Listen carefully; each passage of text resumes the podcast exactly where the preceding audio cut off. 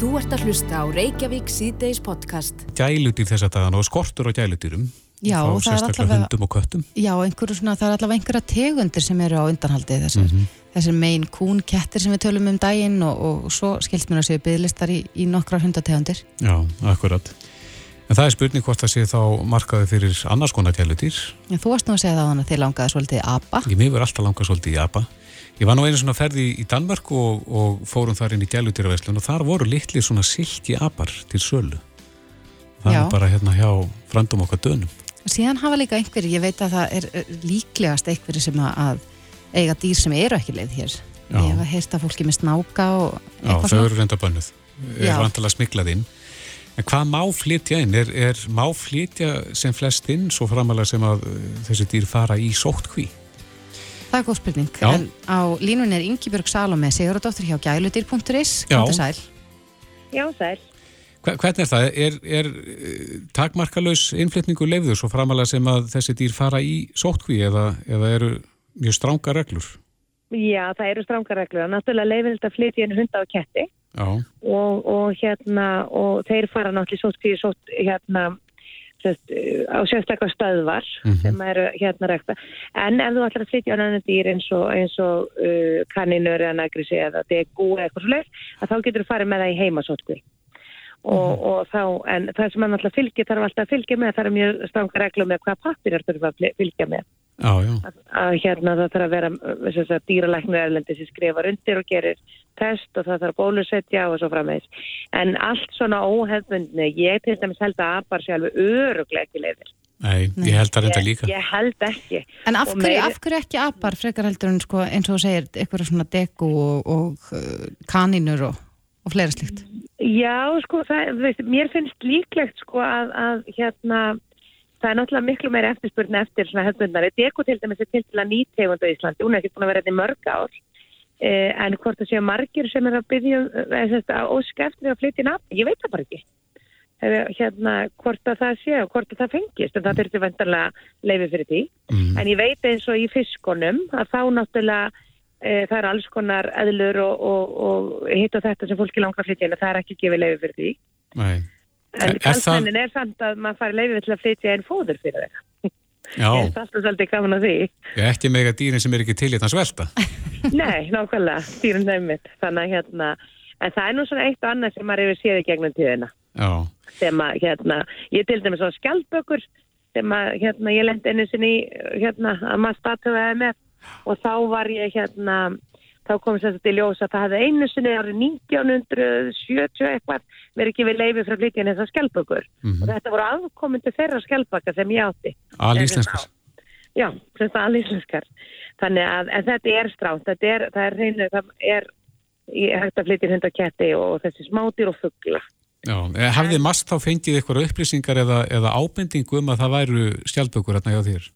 Já, þá, já, það var einhver sem að hérna let vita, ég ætti skjaldbökur og, og þá kom bara mast og mætti á staðinn Mhm. og tjekkaði á þessu og, og ég hérna náttúrulega vonaði, taldi mig að eiga það algjörlega löglega og hérna og, og þá kom, og svo kom þetta ljós sem betur fyrir voru þetta afkomendur leifis sem alltaf við gefið 1970 eitthvað. Er hægt að fá skjaldbökur í dag á Íslandi? E, það eru einhver, sagt, að þessir afkomendur af þessu stofni er, eru leifilegar, af því að þeir eru búin að raunverulega gefa.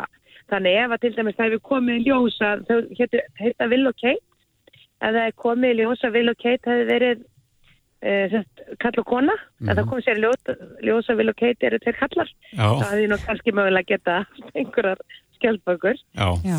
en hérna, já, en, En þú- Will og Kate er kall og kall. En þú starfa nú í þessum bransa, já, þó að gæludýr.is sé nú ekki að selja gæludýr, en uh, heldur að sé eftirspurn eftir svona framandi dýrum hér á Íslandi? Já, já, það er það. Það sem, að, sko, það sem er kannski, við erum náttúrulega lítill markaður og það er bara uh, náttúrulega mikill kostnar að flytja inn svona dýr. Þú veist, að flytja inn einn góðan hund frá, uh, frá góðri ræktinni að vera kosta miljón. Þannig að, að veist, þetta, þetta, er, þetta er með þannig að fyrir fólk að taka svona dýr, þetta er, þetta er dýrt og, og þetta er mikil fyrir hérna, mikil að leifum og þannig að, að, en ég held að fólk hefði áhuga á, á svona alls konar sko og það er meira til held ég heldur en við vitum um það er svona kannski eitthvað sem, sem að kemur stundum með einhvers þar Sem er smiklaðinn. já, kemur í flugulónum og svona eitt og annað sem maður hefur heyrst af. Hvað hefur heyrt um? Ég hef Án þess að nefna heimilisvang. Já, já, já, já, já, það er alls konar slöngur og eðlur og, og einhverja kongolær og alls konar dót, sko. En ég hef ekki heyrt um apa í mörg, mörg ár. Nei, Ég veit ekki neitt sem á apa. það var náttúrulega api í etin. Já. Nú svolítið síðan. Uh, já, Já, já, apin í etin, það var, var það ekki apin en eljar, Viljáms? ég gott ef ekki, ég þetta nú fara Jú, að fenna mér yfir minnir þetta. það. Mér minnir það nefnilega, það hefði verið hennar. En, en kemst ekki upp ef fólk á snák þarf það ekki stanslist að vera að kaupa ykkur að mís til þess að gefa honum að borða eða, eða er það bara úr bíómyndum? Jú, sko, jú, en þú náttúrulega getur, þú veist, það er náttúrulega, þetta getur náttúrulega bara gefið snáknuðinu vantarlega færst kjöpt. Þú Já. þarft, það þarf ekki, en, en ég meina, það er til dæmis þekkt í þeim gældurverslunum sem selja, það er orðið mjög lítið af gældurverslunum í dag í Íslandi sem selja lifandi dýr. Og hérna, og, og þannig að það, þetta hefur heilsunni gegnum tíðina sögur af, af hérna, fólki sem er að koma alltaf og kaupa rosalega mikið músaungum sem er mjög döluföld sko. En mín skoðin er svo að það sem er miklu betra fyrir hvort sem verður fæðir hamstur eða und, eða hvað sem verður, það er miklu betra að fá úr heimaræktin. Að fá þér eða til dæmis að fá hamstur eða kaninu fyrir batni, fyndu góða ræktanda, það eru nokkri ræktandur á Íslandi sem eru að rækta svona smá dýr og þá er búið að hérna alveg alveg því að fæðast það er búið fyrktið, þau eru miklu blíðar yfir miklu sko ma vanari manninum. Mhm. alveg svo bara með hundana. Bestu hundarnir sem þú færði náttúrulega bara þeir sem koma af góðum frá góðum ræktendum þar sem, sem að kjartaði lagt í þetta. Já, hvað er löng byggð eftir eh, hérna hreinræktuðum kvolpi í dag? sko það finnir alltaf alveg eftir tegundum. Ég til dæmis, ég, ég er hundaræktandi líka og ég til dæmis tek ekki bygglista vegna þess að ég, aðalma kannski máli þessum að allan að við sem erum hundaræktina félagin leggjum áslá er bara að finna góð heimili. Og finna heimili sko þar sem sannanlega er fólk sem er langar og er búin að hugsa um það lengi að fá sér hund. Þess að fá sér hund er, er bara nýr fjölskyldumöðlumur og þó að við séum öll á Íslandi núna og först á Íslandi út á COVID að þá förum við að fara þetta einhvern tímann. Og þá hef mann alltaf sem rektandi, það hef ég ágjur að því að þetta sé kannski stundum svolítið skyndi ákvarðanir og hvað verður þá þannig að þessi, þessi vöndun sem við erum að sjá í dag er svona allan að þeir rektandi sem er kringum er ekkert endilega mikið að bregðast við því. Vil ég bara svona frekar sjá hvernig þetta þróast. Af því að náttúrulega versta sem að veit fyrir tegundunum sína er að, að korparnir manns fara flagt. Já, Ég veit, ég veit hver, hver einasti korpur frá mér er. Og fylgistu með þeim áfram? Að fylgist með þeim öllum, já, ég er algjör amma sko, þú getur komið með henni pössundi minn og ég veit hver allir eru, það er bara þannig. Og þannig gera góðir rektandur. Veist, þetta, er ekki, og, og fólk þarf að vera búin að hugsa þetta lengi, það þurfa allir fjölskyldunar að vera tilbúin í þetta og all, þú ert aldrei að fara að kaupa í börni. En þú, hefur þú orðið vörfi aukna eftirspurn eftir hundum? Já, já, ég geti örgulega lagt niður vinnu og farið bara að rekta. En ég bara, mér langar það bara alls ekki að því að ég var ekki að því að, að þetta sé bara eitthvað tímabundið. Mm og hérna og, og eitthvað sem við viljum bara alls ekki við, við viljum ekki að dýra hjálp fyllist af hundum og köttum heimilislausum eftir eitt ár eða tvö ár Nei. Við viljum ekki sjá það já, Ingibjörg Salome Sigurðardóttir hjá gældir.is Kæra þakki fyrir þetta og gangið vel. já, takk að gæla fyrir Þú ert að hlusta á Reykjavík C-Days podcast. Reykjavík sýtis heldur áfram. Einmitt og uh, við fengum nýja tölur dag og mörgum brugðið við að sjá svona háar tölur en, en svo benda mig líka það að það hefur verið sett met í skimunum í gær. Já, en það hafa já, komið svona ymsar upplýsingar frá þríeginu, frá uh, já, Víði, Ölmu og svona á síðustu dögum og, og eitt af því er nú að, að Víð Reynsson hefur beðið fólkum að, svona e, reyna að halda því í hófi að, að takmarka eins og mögulega og hægt er að hitta fólk já ef það er að löst heima. Er, er það ekki að, að, að Já, nei, hætta ég var- hamast eða komast í Nei, sínatökum? ég var, að að um segja, ég, ég var að segja að vera að bila til fólks að takmarka eins og mögulegt er hverja það hitt Já, ég síl þig. Já, já, við erum að tala um tvo mismundir akkurat, en víðir er á línu, komdu sæl. Það komið þið sæl. En þú segir svo mikið. hún orðaði þetta svo skemmtilega að, að, að takmarka í hófi. Það er Sagði ég það? Þú tekur betur eftir við Já. Herren, þú, ef við byrjum á því sem þú varst, var fjallaðum í frétti minna, þú ert að, að byrja fólk um að hætta hamast eða komast í sínatöku ef það er enginn að lust. já það er, er þannig að, að við náttúrulega náðum með ótrúlega samstætti átaki fullt af flottu fólki í gæra að taka síni og svona ná svona um hala sem okkur fannst að myndast fólk með enginni sem átt að erðt með að fá tíma Mhm. og við höfum alveg orðið vörfið þann dag eftir að við svona opnuðum meira fyrir þessi möguleika uh, fólk að komast í sínatöku þá hefur aðeins sko verið náttúrulega bæði er bara svona almennt einkennlust fólk sem að er bara að láta tekka á sig til öryggis og síðan hefur aðeins verið líka fólk sem er í sóttkví að það vil fá sínatöku á kannski ekki nema einna að tvo daga eftir af sóttkvíni þá þarf það að fara aftur í sóttkví eftir sem sagt þess að tvo daga þegar sjötaga sóttkvíni líkur með sínatöku þannig að við svona aðeins erum að beða fólk að sína smá þólumæði og, og hjálpa okkur í þessum, þessum hætti. Þannig að við, að við náum þeim sem að liggum mest á að, að, að fá síni frá og komum þeim örgla, örgla að þessa dagana. Já, þið fóruð í já, mjög stórt verkefni að skima háskólana til dæmis eða bóði var upp á það að háskóla neymar getur farið í og starfsfólk getur farið í skimun. Er þetta verkefni gott sem búið eða hvað? Nei, nei, það er Íslensk aðrækgræning er að skima ymsla hópa, ég held að 1300 manns farið í, í sínatöku hjá þeim í gæri í tengslu við slíka skimanir og það er bara verið að vinna svona ákveðna lista og ákveðna hópa sem, að, sem þar er en, en svona þetta átaki gerð snýrist nú um að koma örglega öllum sem að hafðu óskað eftir því gera að komast í sínatöku út af enginum að koma þeim í, í þetta uh, í, í sagt, sínatökuna í gær og, og eins, og, og allir vita þá náttúrulega ótrúlegur árangur sem að náðist í því að ná til þess að fólks og á sama tíma þetta sjáum við síðan niðurstöðunar og, og það, það bendur okkur á hversu mikilvægt þetta hefur verið að ná þessu að, að greina þó þetta marga í gær í þessu. Það er, það er í, þú veist, þetta hljómar oft enginlega þegar við erum að segja það er sér jákvægt, en það er náttúrulega jákvægt þegar við erum, erum stödd í svona bylgju að við náum sem flestum sem eru veikir, náum að taka hún í síni, náum að fá niðurstöður og koma þeim í einangrun og þá að rekja og smitreikja í kringum og tryggja þá að, að sagt, smiti stoppi þarna Já. út af það gengur þetta. Já, það, það hefur verið svona kannski örlítið annað hljóð í ykkur núna heldur en var hérna í vor, þá voru þetta takmarkanir jafnvel meiri hérna innanlands og en nú hafið þið meira verið að byðla til fólks að hegða sér á tiltekinháttar, reyna að vinna heima ef mögulegt er og að takmarka uh, hverja það hittir og fleira í þeim dúr. Hvenar er, er komið að því að, að þeir þurfa að fara að skipa fólki fyrir? Ég veistu það, ég held að hérna, við hefum alveg sínt það sem samfélagi voru að, að það er svona samtakamáturinn okkar er að, er að fara eftir því sem, að, sem er sagt í þessum efnum þar að segja hvernig við takmarkum möguleika náði að, að smitt halda áfram að breyðast út og það, þetta er svona hluti sem allir kunna og, og við höldum að núna sé, hafi bara verið færi á því að, að gera þetta ánægst að fara að loka öllu og reyna að halda sem mest á samfélaginu gangandi og þá auðvitað þetta koma, koma upp smitt einhver staðar en, en, en við, við höldum það að, að með því að svona minka okkar okkar snertifleiti þar að segja fækka fólkinu sem við hittum að þá mingum við líkunar á því að, haldur hann að breyðast út með miklum hraða og við Mhm. náum þessu niður á nokkrum dögum eða veikum í viðfótt. En við þarf meira til núna til þess að þið gangi að blant og í, í vor. Já, já, það þarf það. Við náttúrulega veitum miklu, miklu meira um þennan sjúkdóm COVID-19 núna heldur við vissum í vor. Við sjáum bara árangurinn sem að er að nást á, á fólki sem þarf að leggjast inn.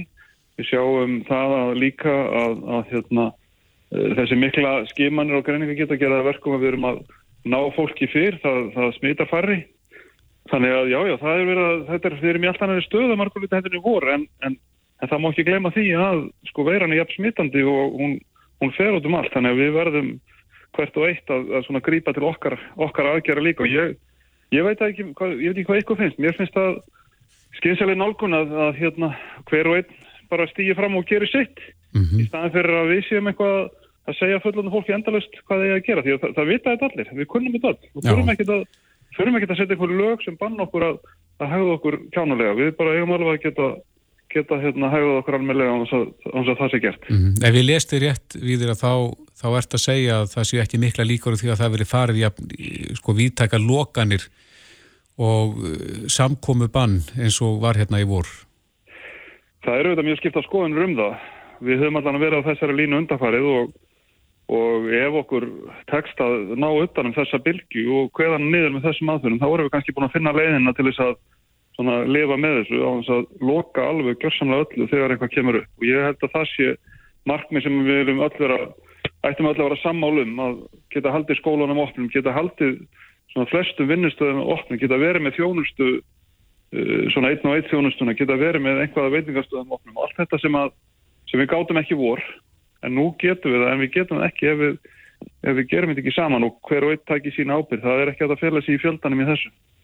Nei, það greintust uh, sjö smitt á í, í stikkisholmi á Vesturlandi núna í gær og myndur þú segja að, að nú væri komin upp appisingul viðvörun þar?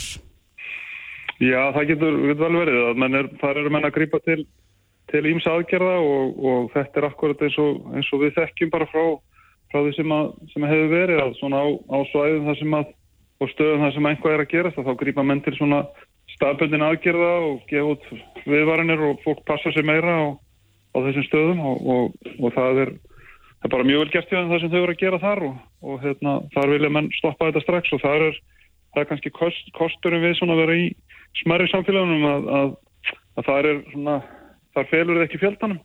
Þú verður, verður að stíga fram og sína það, þína ábyrð og, og það er erfiðara svona í, í stórborginni, það er auðvöldur að, að hugsa bara um að næstum að það lítur að standa sig vel. Ég þarf ekki að gera eins mikið eins og hann þá. Það, það er ekki það sem við viljum. Emitt, Viður Reynarsson kæra þakki fyrir spjallið. Takk sem að leiðis. Hlustaðu hvena sem er á Reykjavík C-Days podcast. Reykjavík C-Days á bylginu heldur áfram. Það hafa komið upp ný samtök hér á Íslandi. Það var verið að stopna ný samtök sem eru fyrir eh, sam- og tvíkinett fólk Já. og þessi já, samtök teimi, ég veit nú ekki alveg hvað að kalla þetta en þetta ber heiti LBG teimið. Já, og... þá eru, eru er transfólk ekki þar inni, stílið það rétt? Eh, eins og ég skilda þá er transfólk undanskilið Já. þessum hóp og það hafa verið nú einhver átök um þetta hvort að uh, þetta sé rétt að leiðin í þessum málefnum mm -hmm. og hvort að þetta muni valda sundrunginnan samtökana 78 til dæmis Já, er, er, er, þetta samtök sem er að kljúa sig frá samtökunum 78 þá er þetta ný slík samtök? Það er góð spurning. Á línunni er Íva Marin Adrisjám og hún er eina af, af stopnendum þessara nýju samtaka. Kom til sæl. Sælverði.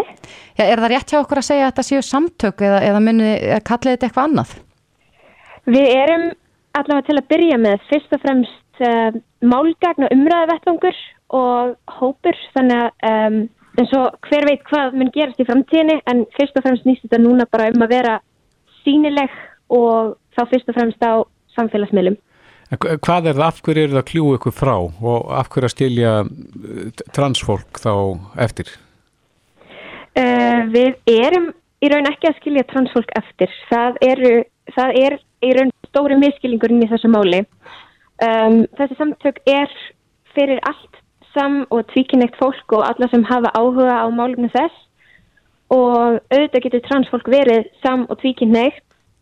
Um, það sem fólk, uh, ég held að fólk sem mis, miskilja er að fókusin er ekki á málefni transfólks sérstaklega en svo lengi sem umræðin snýst um saman tvíkynlega þá eru allir guðvelkomnir að taka þátt og, og vera með. En finnst ykkur fókusin of mikill á, á trans fólk núna í dag? Innan þá hins veginn samfélagsins almennt? Já. Um, nei, í raun ekki. Um, það sem, um, uh, sem undarskilur okkar vettvang er í rauninni aukið frjálslindi og líðræði.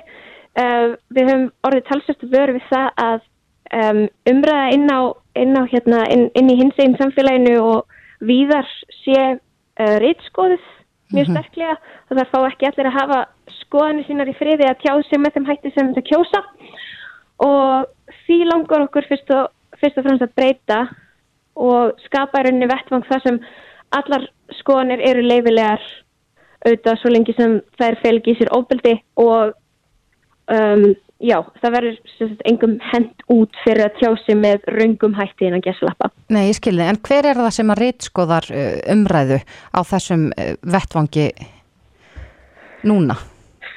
Það er náttúrulega mjög misjöft sko hvar umræðan á sér stað, en eins og á nethópum og þá er það bara eitthvað því fjórir uh, stjórnendur um, svo hefur bara hafa verið uh, mikil átök í rauninni gagvart þeim sem tjási með þeim hætti sem er ekki vel séður af stórum hluta uh, fólks í þessu, þessu samfélagi. Já, þú, þú hefur kallað þetta skoðana kúun í samtali við vísi.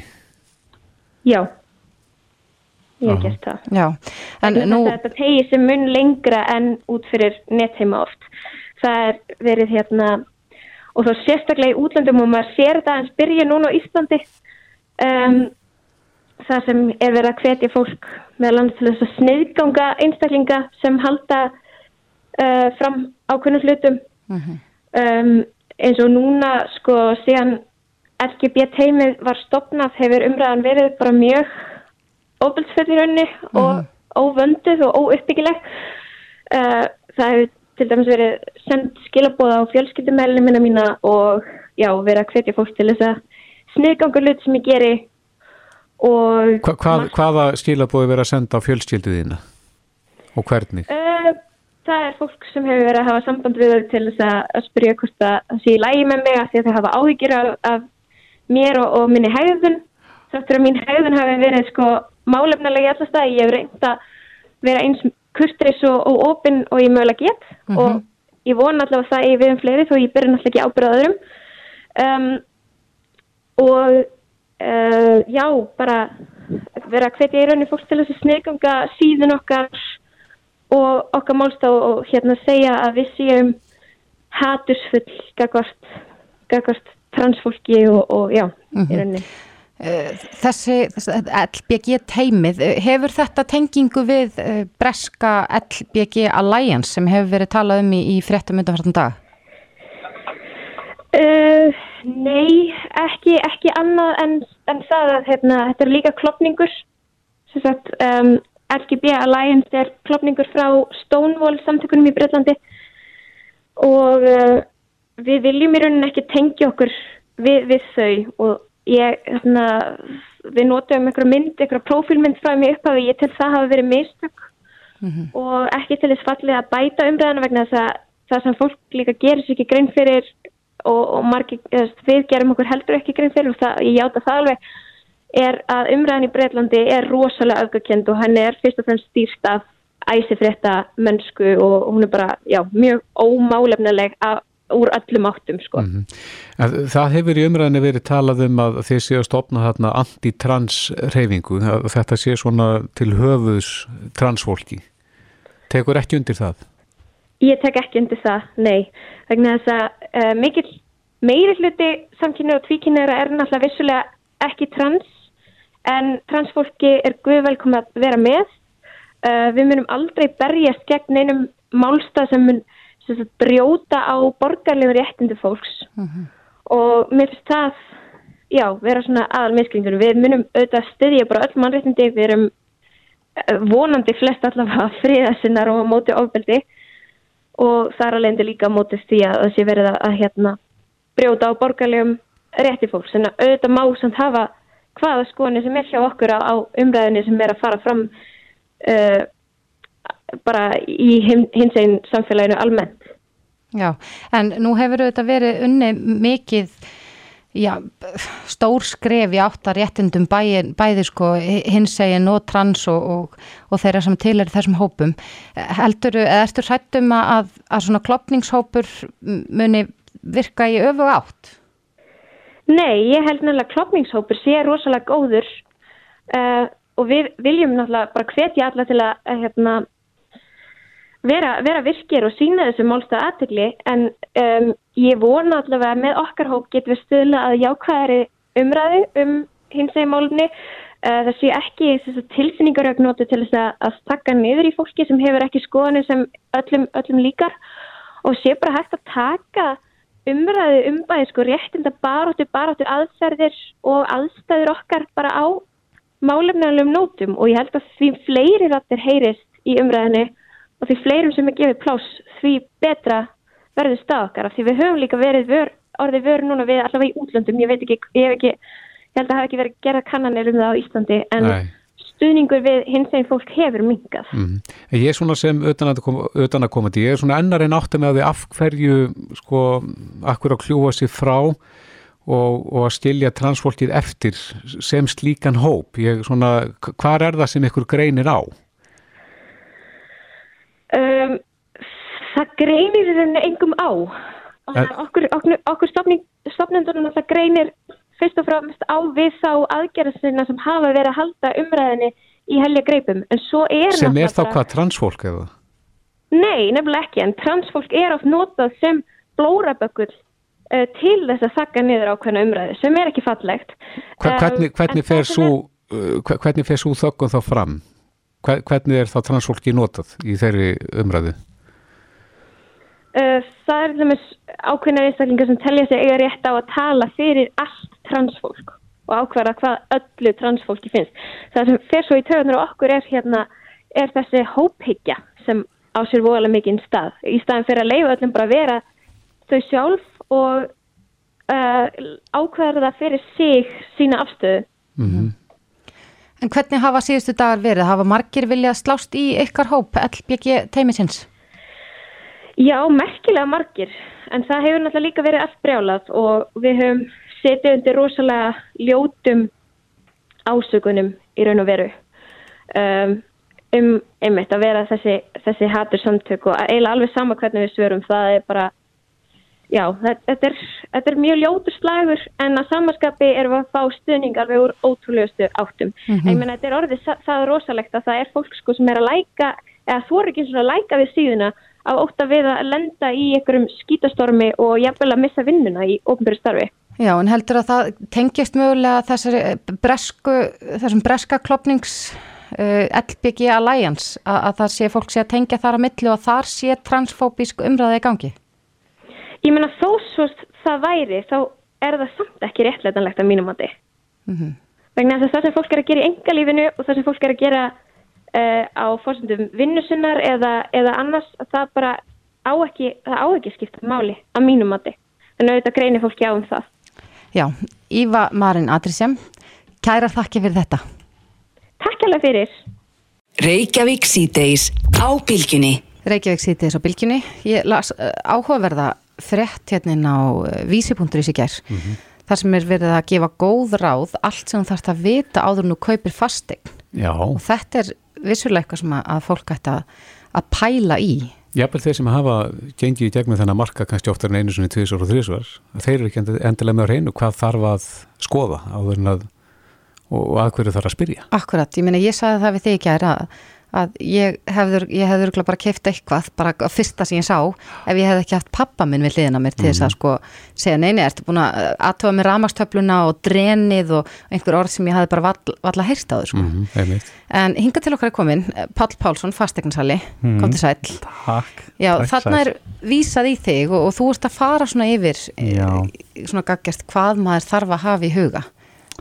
Sko þetta er náttúrulega fyrst og fremst alveg það, það er gríðarlega ábyrð að skoða fastegn og sérstaklega ef að kemur ykkur upp vandamál eftir á sem að gerist í fasteiniðskiptum mm -hmm. að kaupandur og seljandur ósámála og segjum svo að geng gangi svo langt að reynilega fara fyrir dóma þá er bara í mjög mörgum tilvöldin það sem að dómanir segir bara við kaupanda bara þú hefur þetta að skoða þetta betur mm -hmm. En þarf að spyrja, er, er, er þetta eitthvað sem þarf að láta vita af? Jú, upplýsingaskilda seljandans er náttúrulega mjög rík líka mm -hmm. og það er náttúrulega á ekki að vera fél að neitt eða það þarf alltaf að vera uppi í yfirbor og svo framvegis mm -hmm. en það er samt alltaf þannig að þegar fólk er að skoða fastegn þá segir maður oft við fólk, ok kondin, skoðuð eignina, kynntu þér ástanduð eigninni taktu eitt ringi kringum húsi líka bara skoða það, fáðu bara tilfinningu undan. Mm -hmm. ef þetta er í fjölbili, farðinir í kjallaran skoðaðu lagnagrind skoðaðu ramastöflu þó þú hafi kannski ekki beint vita á þessu þá er bara að skoða lagnagrind segir manni svona að það er ákveðin tilfinning sem þú getur gert, gefur manni um það að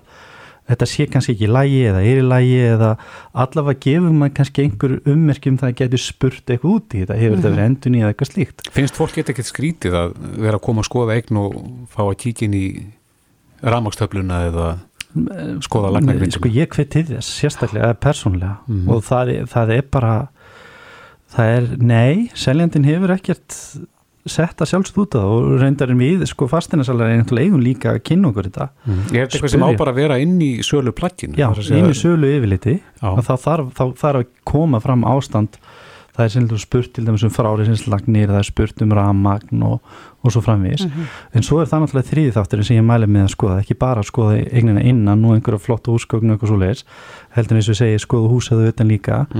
En svo eru það gögnin sjálf. Og þetta eru, það þarf að skoða sölu vildi vel. Ef þetta er fjölbili þá þarf að vera húsfélags yfirlýsing sem þarf að skoða vel. Mhm. uh, fínulega að spyrja til dæmis hvort það hefur nýlega orðin húsfundur og óska það bara eftir að sjá sko fundargerð húsfundarins bara til að komast svolítið inn í hugar heima umræður.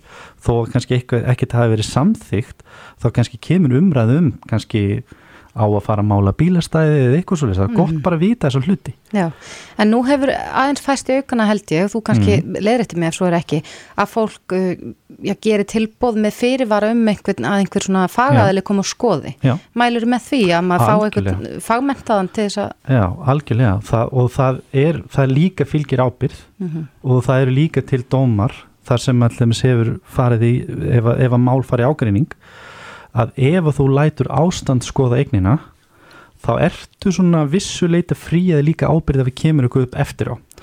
Vegna þess að ég segi alltaf að sko ábyrðin á eigninni færist yfir á kaupanda við afhendingu. Og það er veru það, það tímapunktur sem er hvað mikilvægast að skoða eignina vel.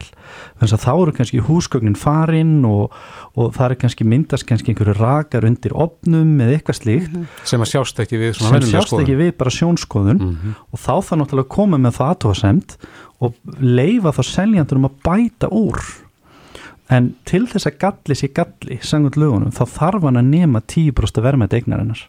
Og það er oft fólk sem fólk eru komið aðtóðasemti sem á ekki við. Og þetta eru oft aðtóðasemti til dæmis eins og algengust aðtóðasemtinir að kvörtunar efnin eru til dæmis flutningstrif og það eru þess dæmi að, að menn hafi farið fram á að eignina séu þryfna rosalega vel og fara síðan og rífið, rífið allt út Mhm. þannig að sko ágreiningur getur verið mjög misjátt, ég meni ég seldi einu sinni eign þar sem ágreiningur snerist um bakaróp sem hitaði ekki nefn upp í 120 gráður sem myndi aldrei kallast galli en vissulega á þetta verið lægi Mhm. skiliði mig En hvað gerir fólk í málum sem þessum, þar sem þetta næri ekki þessum 10% af þröskuldi? Nei, Getur það þá haldið eftir greiðslu eh, Nei. til dæmis af afsalinu eða eitthvað nei stíkt? það, það, það getur raun og verið ekki gert það Mhm. uh, ég lendi bara í svona máli í morgun s- bara sem svona pínlítið dæmi að það hafði aðlið samband við mig og sagði að einn opn inn í stofu var að leka ég bent honum á það, þetta er ekki galli Mhm. Þannig að, þannig að það, þú getur ekki farið fram á einhverja bætur þetta er ekki tjón sem verður, þetta rýrir ekki vergildi eignarinnar þess að það er lítið á sem að galli ef það rýrir vergildið. Hins vegar er það þannig auðvitað reynir maður að ná fólki saman og fólk sé ánægt. Þannig ég hafði sambandi seljandan útskýrið að sjálfsögur réttarstöðuna og sagði bara þetta er ekki galli, þú þartir og verið ekki að gera neitt en ég legg samt áherslu á það að menn gangjur viðskiptunum sátt þannig að þau komið sér saman í þessu tilfelli það að kaupandinn kaupir opnin Mhm. en seljandinn ætlar að koma með pípari sem skiptur um opnin Já, þannig að maður reynir frekar ef það er ágreiningur þá mælir maður frekar að finna bara löst Mhm. staðan fyrir að fara eitthvað að rífast og ringi einhverju lögfræðinga og, og svo framvins Já, en týðkast það, Páll, að, að svona við skoðun þegar að fólk er að gangi gegnum eignina og spyrja spurninga að, Mhm. að fólk sé að taka það upp Nei. að það eigi hljóð upptökur af spurningum og svörum. Ég hef aldrei lendið því sjálfur. Æ, ég minnist þess ekki að ég hef heyrt að því. Um, enda á ekkert að vera fela veist, hjá seljanda. Uh, og það er enginn sem vill lenda í þeirri stöðu, hvorki kaupanir seljandi að þessi ágreiningu sem kemur upp eftir á. Og í langflestum tilfellum er þetta eitthvað sem enginn veit af hvað, hvað er þetta algengt að það komi upp ykkur svona ágreiningur? þetta er ekki algengt.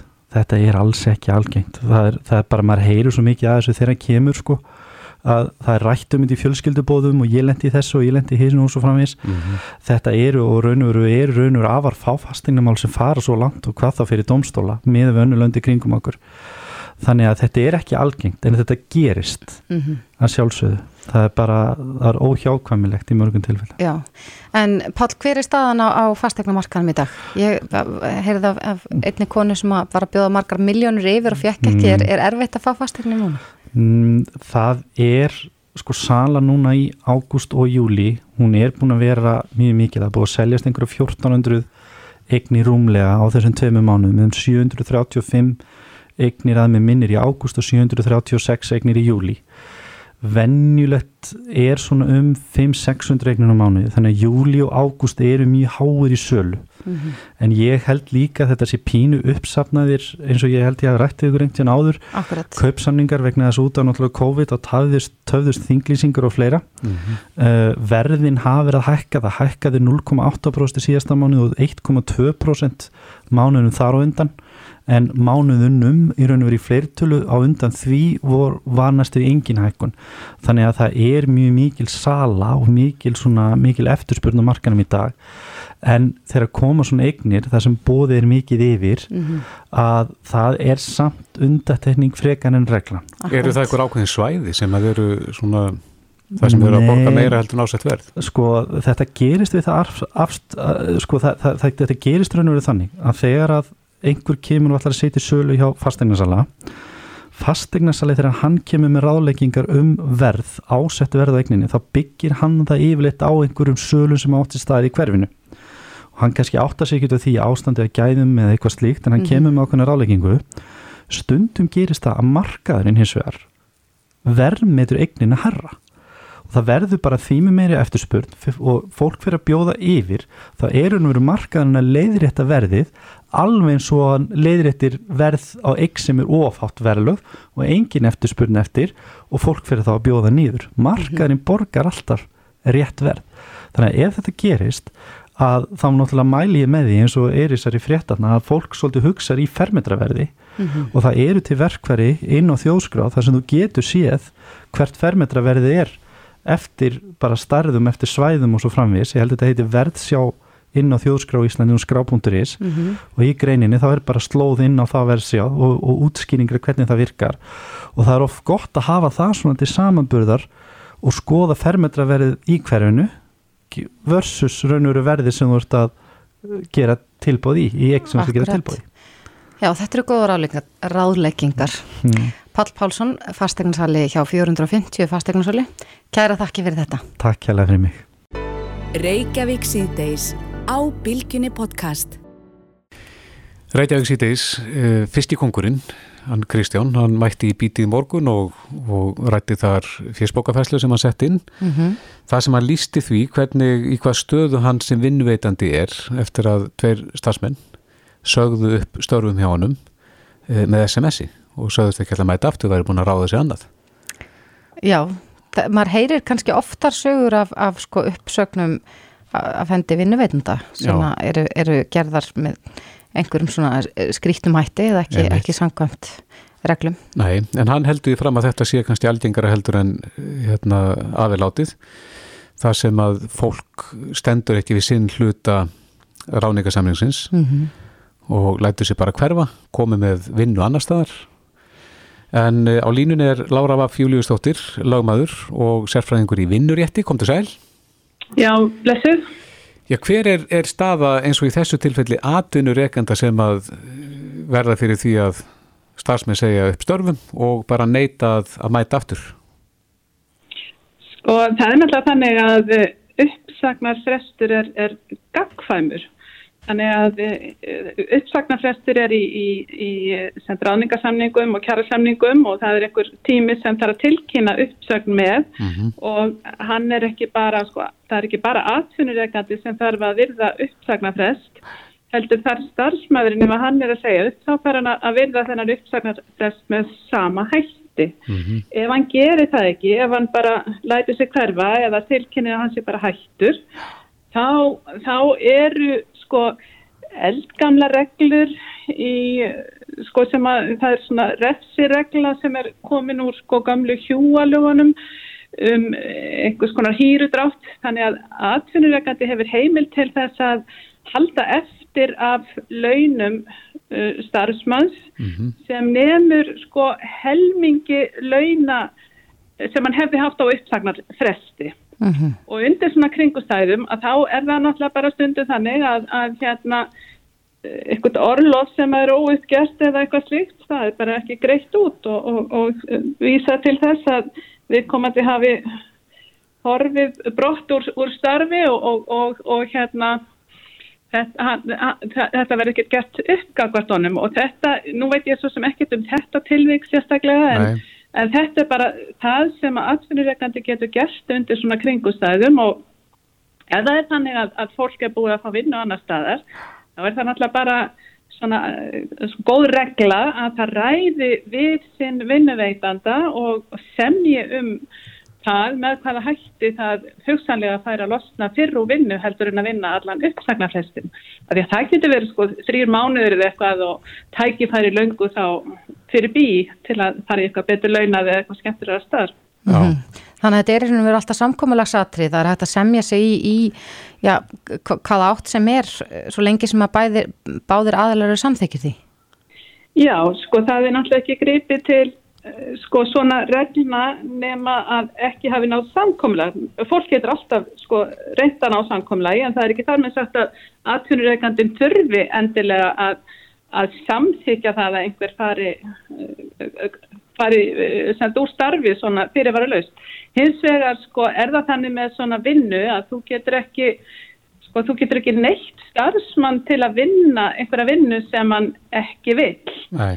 Það er, það er að segja, þú, þú getur ekki sko farið heim til mannsins og, og, og sótt hann í vinnuna og, og sett hann fyrir fram hann sko reiknivélina og látið hann eða, eða rítvelina tölvuna til, til að, að neyðan til að, að vinna eitthvað sem hann ekki vil og þess mhm. vegna er þetta allt sko gert upp með, með peningum sko, þetta eru eitthvað bætur sem eru heimtar eða peningar sem haldir eftir eða eitthvað, eitthvað slíkt. Mm -hmm. Þetta heitir svona lögfræðimáli að það er ekki hægt að krefjast enda inn að túra. Nei, og þá koma hjúalögin til sjálfana?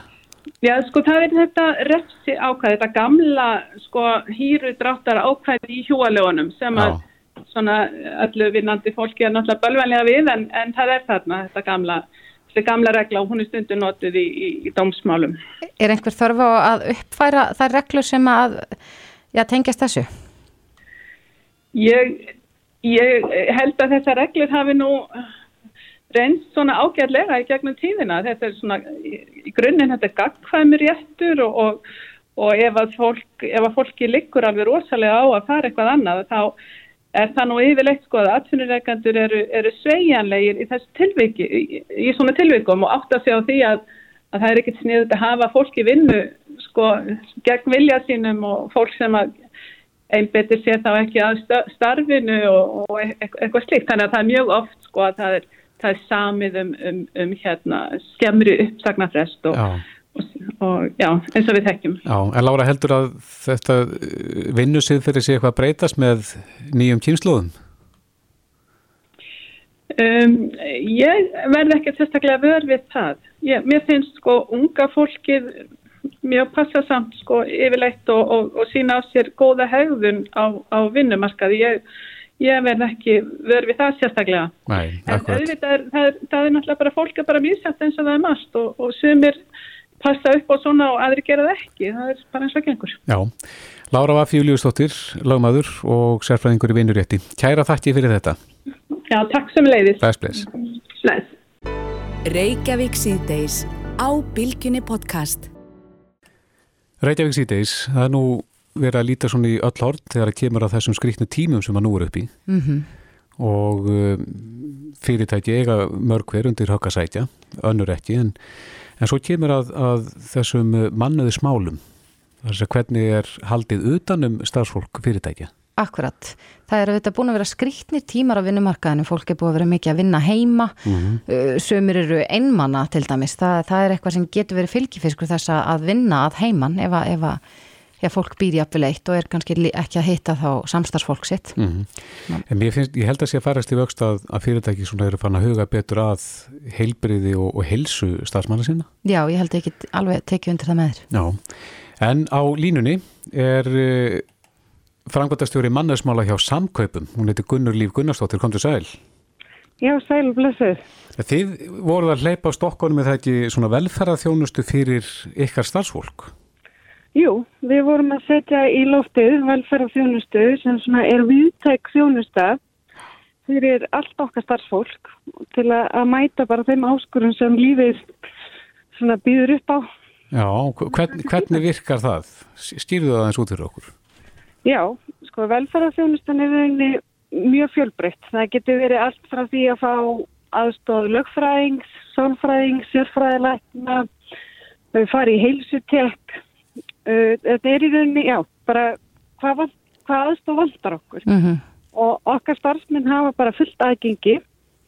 Þannig að þetta fer ekkert í gegnum annusvið eða neitt sem slíkt heldur geta þeir bara hringt beint til heilsuðendar og bóka sér tíma. Já. Um, hefur, hefur þessu verið tekið vel hjá ykkar starfsfólki? alveg gríðarlega og það er mikið þakklætt í fólki og sérstaklega náttúrulega þegar við svona, erum á þessum tímum og bæðið svona bara vitundavakningin að við þurfum öll stundum á aðstofa halda og geta leita til fæðana Mhm.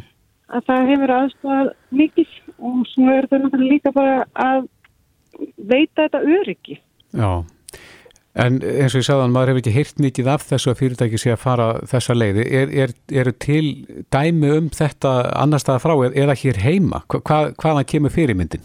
Já, sko, fyrst herðum við af þessu frá bara erlendum aðlum. Það er að segja, hérna, þetta, kem, þetta er svona svolítið bandarísk fyrirmynd að bjóða upp á svona velferða þjónustu í stærri mynd heldur en kannski bara þegar eitthvað bjátar á. Við erum oft náttúrulega verið að veita einhverja svona áfallahjálp eða ráni í verslun eða svoleiðst. En, en þarna heyrðum við af erlendum aðlum sem færi lengra og svo fyrir nokkrum árum síðan þá heyrðum við líka af Alcoa. Þeir eru með sambarilega svona velferðarþjónustu líka og þá svona fórum við markvist að vinna þetta verkefni áfram. Mm Þetta, þetta sem þú nefndir áðan, þú nefndir hérna dæmi um sálfræðingu, fjármálaráðgjöf og fleira, er, þetta er svona kannski mestmægnis ætla til þess að ebla fólk persónlega. Er, segja fræðin það að, að því betur sem fólk er statt í engalifinu, skilar það betri vinnu eða eru hamingisamara starffólk? Sko, ég, ég getur sem ekki eitthvað veitna beint í fræðinni, ég held að við vitum öll að ef manni líður vel, bara almennt, að þá, þá líður manni betur líka sem starfsmæður. Og við erum bara einmanniska sem gengur gegnum alls konar hluti í okkar lífi og það, það er einnig það sem mun skila sér áfram. Mm Hvað eru um, margir starfsmenn hjá uh, samköpum? Herru, við erum með 14. talsins á 62 starfstöðum, Mm þannig að við erum bæði vel dreifði í kringu landið og, og svona bara, bara mjög fjölmenn. Mm Og yngsti starfsmörn er 13 ára og svo elsti 84 ára, þannig að hérna, Breytt það-. Það eru mismjöndi, hluti sem við viljum leitast eftir. Já, akkurat. En þe- þetta og, hvernig fer þetta af stað? Er þið komin með einhverja reynslu nú þegar? Já, það er nú bara við fjölda starfsmanna búin að nýta sér og bæði sko þegar við leiftum aðgerapakkanum okkar að stað eftir COVID þá settum við út svona fyrsta svona fatningunum til starfsmanna að leita sér að velfarðarfjónustu og fengu allir tíma hjá samfræðingi mm -hmm. sér að kostnaði lösuðu sjálfsög og það var mikið þakklætti í því og fólk nýtti sér þetta því að, að við vitum alveg öll að þetta hefur áhrif á okkur. Já, og svo settum við út núna í september þess- þessa allherjar velferðarfjónustu og hún er búin að vera bara mjög vel nýtt núna til að byrja með og ég hef fengið mikið þakklæti bara frá starfsmunum sem hafa kannski verið að komast að eins og hjá sérfræðilegni búin að býða lengi en við komum að núna og fer í algjörum fórgang. Hvernig, hvernig komið þið fólki þá framar í, í röðina? Þetta er náttúrulega, vinnum við allt í gegnum heilsuvend sem er náttúrulega yngar ekki í heilsugerunum Mm og þeir beina bara okkar fólki í fórgang. Já, er þetta kostnaðarsamt fyrir fyrirtækið? Þetta auðvitað kostar en ég, það skila því margfald tilbaka. Mhm. Er, uh, getur hver starfsmæður farið uh, í eitthvað x-mörg skipti eða er eitthvað, takmörg á því hvað uh, þau geta nýtt sér þetta oft? Við bjóðum sko öllum starfsmunum þrjá tíma í velferðarþjónustu sem það getur nýtt á ári Mm og svo þegar meðferðar aðli óskar eftir frekari tíma að þá höfum við hámark upp til sex tíma. Já, Þannig að það er þá bara beini meðferðar aðla ef hann óskar eftir því. já, og þetta er, Og þetta er starfsmönnum að kostnaða lausu. Algjörlega kostnæðalösu. Já, þetta er vel til fundið. Hefur þau fengið einhver viðbröð frá uh, kannski fólki í mannuð skeiranum að, að óska eftir upplýsingum hjá þér um þetta verkefni? Já, það er að vakna áhugi og hérna, þannig að ég vona bara að fleiri fyrirtæki að horfa á þetta sem kvartningu. Já, Gunnur Líf Gunnarsdóttir, framkvæmtastjóri mannuðsmáli hjá samköpum. Kæra þakki fyrir þetta. Takk sem ég leiðis. Þetta er Reykjavík C-Days podcast.